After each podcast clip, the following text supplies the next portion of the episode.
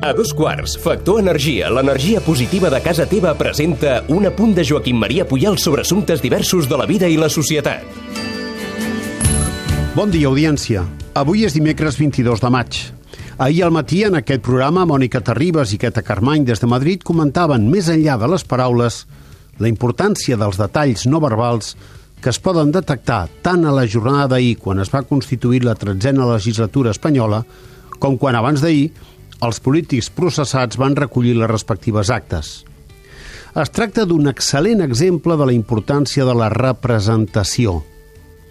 Un essencialista diria que les coses són com són. Un comunicòleg diria que les coses són com sembla que són. És a dir, com les percebem. A la vida quotidiana cal que considerem com serà percebut allò que fem qualsevol de nosaltres. Com ens entendran els altres? Què li semblarà a la gent que diguem això o que diguem allò? Aquestes són preguntes pertinents. Com també és oportú plantejar-te com penses explicar un fet o una decisió si vols que siguin interpretats més o menys com a tu et convé. En tots aquests casos, la representació és essencial. Algú representa i qui percep, valora i entén d'una determinada manera la representació. Les interpretacions són lliures i els actes de representació constants. Ahir va haver-hi nombrosos exemples per ser analitzats. Són formes de representació la manera d'acatar la Constitució per part d'alguns diputats que reforcen una determinada posició aprofitant la possibilitat de fer l'acatament amb una fórmula reivindicativa.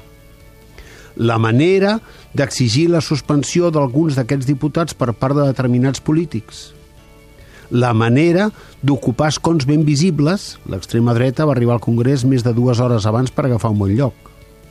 La manera de demostrar distància amb el silenci. Jordi Sánchez i Pedro Sánchez anaven l'un darrere l'altre a la cua d'acord amb l'ordre nominal i no els van veure parlar. La manera de mirar de forçar un compromís amb la paraula. Oriol Junqueras va establir un mínim diàleg amb el president en funcions, el qual va interrompre una conversa telefònica per saludar-lo i va acabar donant-li la mà. La manera de renunciar a la paraula. Alguns diputats van picar de peus a terra i van xiular mentre uns altres aplaudien les fórmules de jurament no convencionals. La manera de saludar-se. Segons algunes informacions, Josep Rull i Inés Arrimadas es van fer un petó. La manera d'anar vestit. La diputada més jove duia una samarreta amb missatge i Junqueras portava corbata. La manera de votar preferir posar a la papereta la paraula llibertat que emetre un vot vàlid, per exemple.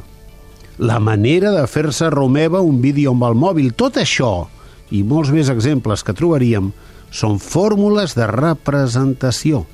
Després cadascú, segons el seu criteri i pensament, les valorarà com sigui. La presidenta Batet, en la intervenció final, va dir que cap diputat ni cap grup representa en exclusiva Espanya ni representa la voluntat de tota la ciutadania. Estic d'acord amb aquesta afirmació, però segurament ella també em donaria la raó si li digués que, quan estan de cara al públic, no paren de representar. La mirada d'en Puyal és una exclusiva de Factor Energia. En Manu, el Minimans, manis pels amics, no, no ha contractat la llum a Factor Energia i no, no s'estalvia un 12,5%. Manu, contracteu tots la llum. A factorenergia.cat i no farem més anuncis. Per fi hi ha un altre llum. Factor Energia. Empresa col·laboradora amb la Barcelona Equestrian Challenge.